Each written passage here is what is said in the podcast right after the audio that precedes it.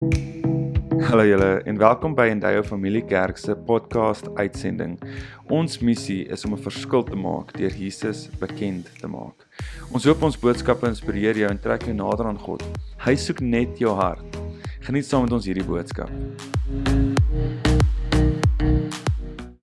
Ek is seker jy was al so dors dat jou lippe so aan mekaar vasgesit het en dan moet jy net by water uitkom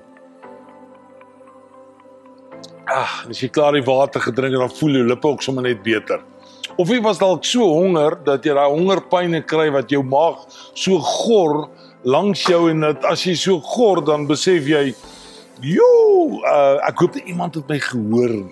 Want dan voel dit mos net maar net onaardig. Ek praat vandag met jou oor vas is 'n honger na God. Dissipline of selfdissipline is die verskil of die keuse tussen wat ek nou wil hê en dit wat ek die meeste wil hê. En daai familiekerk gaan in 'n periode in wat ons regtig God vertrou vir dit wat moet gebeur in die opkomende tyd veral voor Paasfees. En met Paasfees lees ons in Eksodus 12 vers 13 'n baie interessante vers in die Engels. But the blood on your doorsteps will serve as a sign marking the houses where you are staying. When I see the blood, I will pass over you. This plague of death will not touch you when I strike the land of Egypt. Van die 17de Februarie af begin ons met 'n splinter nuwe reeks vernuwing. En ons wil regtig glo dat jy saam met ons in hierdie journey sal groei met jou daaglikse video's wat jy vanaf Endeavour gaan ontvang, maar ook die daaglikse woordstudies wat jy kan bestudeer, regtig om ook nader aan God te kom. 'n Vernuwingstyd is 'n tyd wat ek en jy weer by God uitkom. Maar dit is dit 'n Daniels vastyd wat ons begin as 'n vas en 'n gebed en 'n Daniels vas is om ontslae te raak van al daai lekker goede wat ons so geneig is om baie keer te veel van te wil eet. Die vleis wat ons uitsny en die lekkers en die en die chips en die brood en regtig net om gaan op 'n groente en 'n vrugte vas saam met baie water. En ek glo dat hierdie vir jou 'n besonderse tyd gaan wees van geestelike groei en dat jy by 'n plek gaan wees waar jy regtig sê dit gaan vir my oor 'n vas periode, 'n gebedstyd 'n vernuwingstyd met God. God vra vir Sagaria, "Waarom is julle besig met wat se vas?" En dan sê God, "Hierdie vas het niks met my te doen nie." So as ons regtig ons hart oopmaak vir God, sê Jakobus 4 vers 8, "Nader tot God en hy sal tot jou nader." En dit is wat ons opgewonde maak om in hierdie reeks te kan ingaan en te kan sê ons gaan fokus op God se woord. Jaco ons tienerpastoor kom na my toe en sê hulle tieners gaan die Bybel deurlees in hierdie 40 dae voor Paasfees. Ek kon nie anders as om die uitdaging te vat saam met hom en te sê, "Oké, okay, goed, dan gaan ons elkeen, ons almal gaan 20 hoofstukke 'n dag lees om die Bybel te kan deurlees." In hierdie tyd voor Paasfees. En ek nooi jou om deel uit te maak daarvan. Ons gaan ook op Dinsdae en Donderdae by die kerk bymekaar kom van 6uur tot 8uur. En dis 'n persoonlike gebedstyd waar ons vir jou, vir mense, vir mekaar wil bid. Die woord sê, bid vir mekaar. Ons gaan ook restaurantkerk hê op Sondag die 14de en die 28ste Februarie om 09:30 en in daardie oomblikke kan ons ongelukkig net 50 mense akkommodeer. Dis regtig first come first serve. En nou ons glo hierdie gaan ook besonderse oomblikke wees wat ons die aanlyn boodskappe met mekaar saam gaan deel en saam gaan beleef wat God doen ook in hierdie 40 dae voor Paasfees. Ons kan net bid en sê Here, hou hierdie plague of death, hou hierdie die die onheil, hou die die verskrikking, hou dit wat nie van God af is nie. Hou dit van ons al weg. Maar dit is tyd vir ons as 'n kerk om ook in te skuif met die perfekte plan wat God ook vir sy kerk in gedagte gehad het. Ek het laas Sondag met jou gedeel uit Jesaja 43 waar God sê ek het die Israeliete deur die deur die waters laat trek. Ek het die vyand soos 'n kers uitgeblaas. God sê ek wil iets niets doen. Dit is al reeds besig om te gebeur. Maar dan sê die Here, vergeet van wat agter is. Want dit wat ek gaan doen is groter en beter as dit wat verby is. Dan sê die Here, ek maak vir jou pad in die woestyn. Ek maak vir jou riviere in die woestyn. Het ons net die afgelope tyd gesien hoe God vir ons reën gee op die aarde en ons regtig die wonderwerk van reën net weer beleef in die in die suide, die ooste, die noorde en die weste van ons land. Maar ek wil vandag jou nooi na 'n plek wat jy regtig sal sê, Here, ek wil vernuwing weer deel maak van my lewe. Ek wil toelaat dat daar 'n vernuwing in my gees plaasvind. Vernuwing is wanneer ek dit wat oud geword het weer restoreer, dit afskuur, dit dalk weer oorsprei, dit dalk weer oorverf, maar dit terugkry na die oorspronklike vorm van dit wat dit was. 'n Goeie vriend van my is baie lief om ou karre te herstel, ou karre terug te vat na hulle oorspronklike vorm en as hy dan vir jou wys wat hy vermag het, en dit vat baie keer 'n lang periode, dan staan jy verstom oor dit waarna jy kyk. Weet jy, as ons Jesus soek, soek met ons hele hart, met ons hele siel, met ons hele gees, met ons hele verstand hom eerste kom plaas, dan is dit in daai plek waar ons weer ontdek wat die wonder is van dit wat Christus in ons lewens kom doen. En dit is dat as ek honger, as ek vas, dan is daar 'n honger wat in my gees ontstaan en ek kan nie anderste as om Jesus eerste te wil plaas in elke area van my lewe ook in my finansies. As jy in jou finansies na God toe kom en sê Here, hier is my finansies en ek kom plaas U eerste in my finansies, dan gaan jy ook op dit die seën van die Here beleef. Ons is in die Nuwe Familiekerk regtig so dankbaar oor gemeente wat deel uitmaak van die droom en die plan wat God in gedagte het vir Ekurhuleni vir sy kerk vir vir die land vir dit wat God wil doen. Op jou skerm verskyn die SnapScan en ook ons bankbesonderhede van Endow Familiekerk. Pos gerus vir oomblik, neem 'n foto uh met jou selfoon en dan kan jy ook 'n bydrae maak. Laas maand het ons as span regtig die Here vertrou vir ons inkomste begroting en ons was 'n sekere kerf net nog nie daar nie. En in die laaste week ontvang ek 'n oproep en die tannie sê vir my sy wil haar tiende bring na die kerk toe. Sy kom gee dit, sy kom offer dit, sy bring haar tiende vir die Here. En toe ons sien wat sy inbetaal, is dit 33% van dit wat ons God nog voorvertrou het. Dit is 'n wonderwerk geweest. Ons het net gesê, "Dankie Here vir dit wat U doen." Maar later die week praat ek weer met die tannie en sy sê, "Pastoor, ek moet jou vertel van wat God gedoen het." Ek sê, "Tannie, sê." Sy sê ons bedryf as hulle te kleuterskool ehm um, het het regtig maar ook afname beleef in COVID. En in hierdie tyd van wat hulle die tiende gee vir God, gee die Here 'n ekstra 30 kinders tot hulle kleuterskool. Ons kan net vir die Here sê dankie dat ons weet. Here, wanneer ons in 'n vas ingaan, is daar 'n honger in ons binneste na God.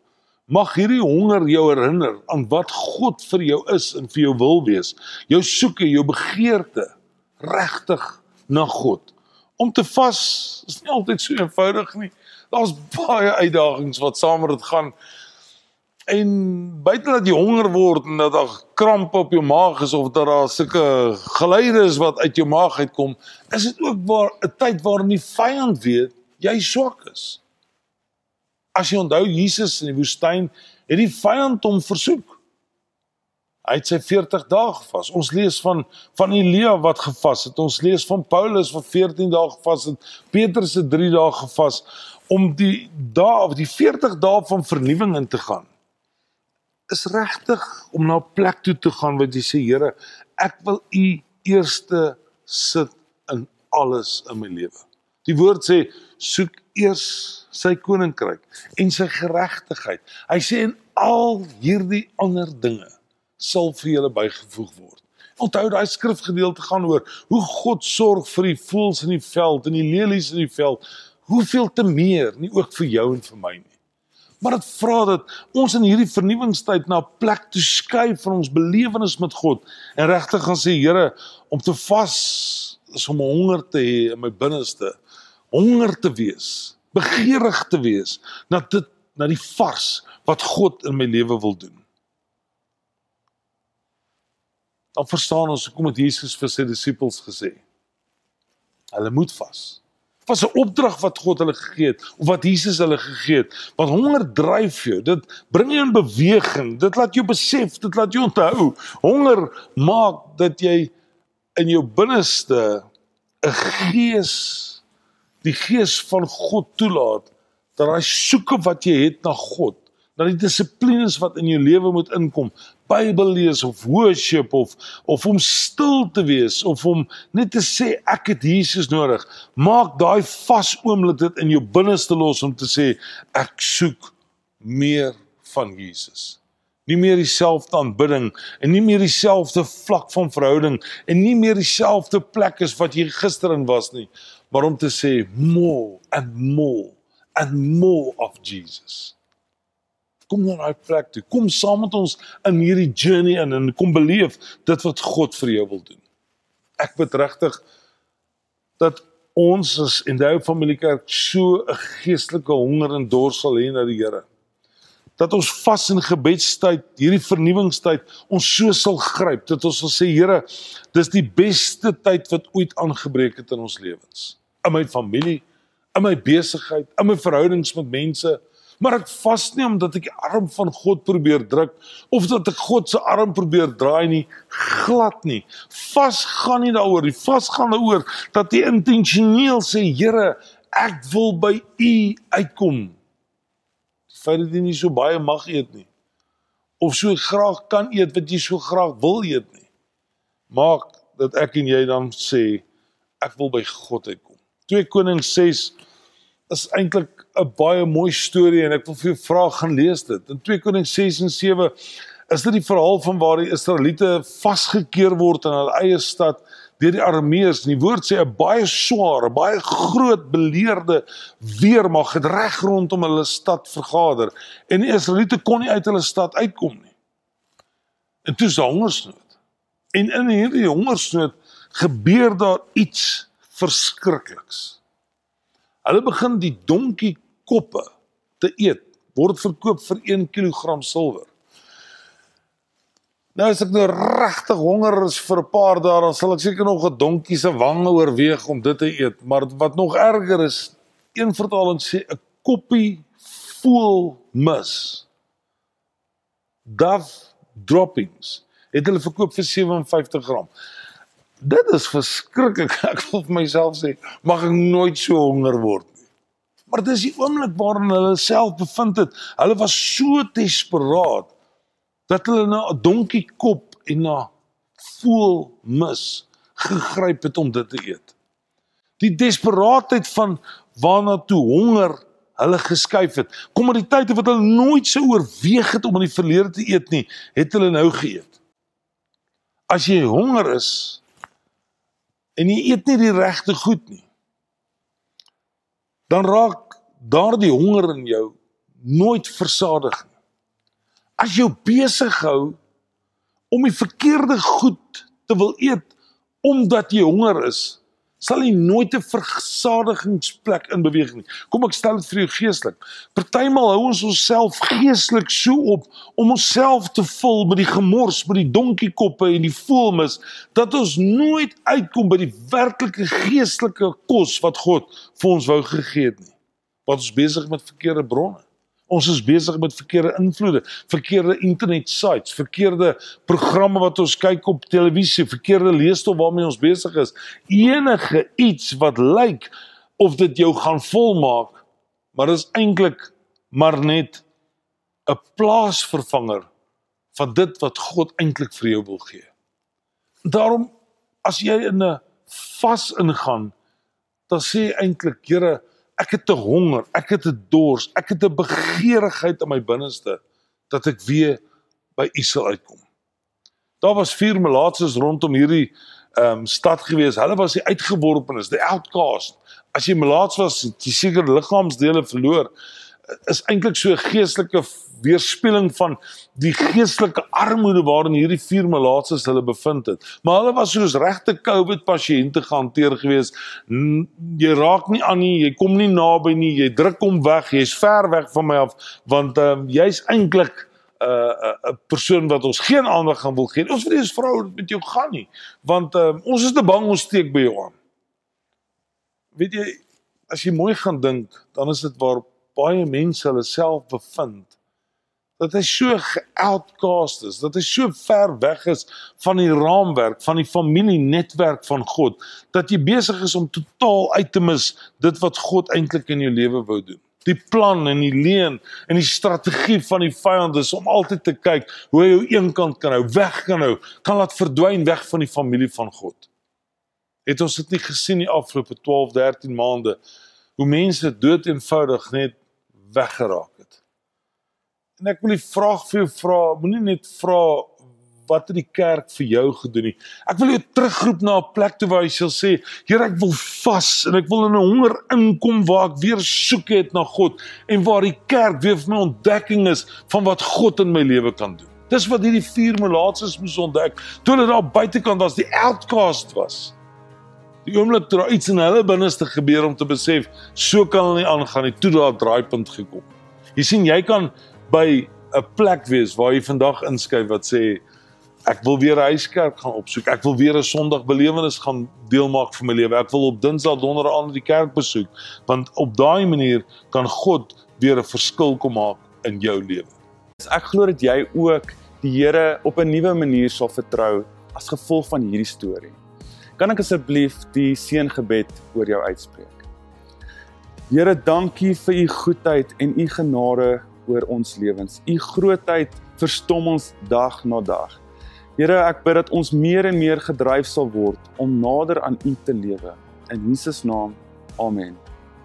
Dankie dat jy saam met ons gekyk het vandag. Tot volgende keer. Totsiens.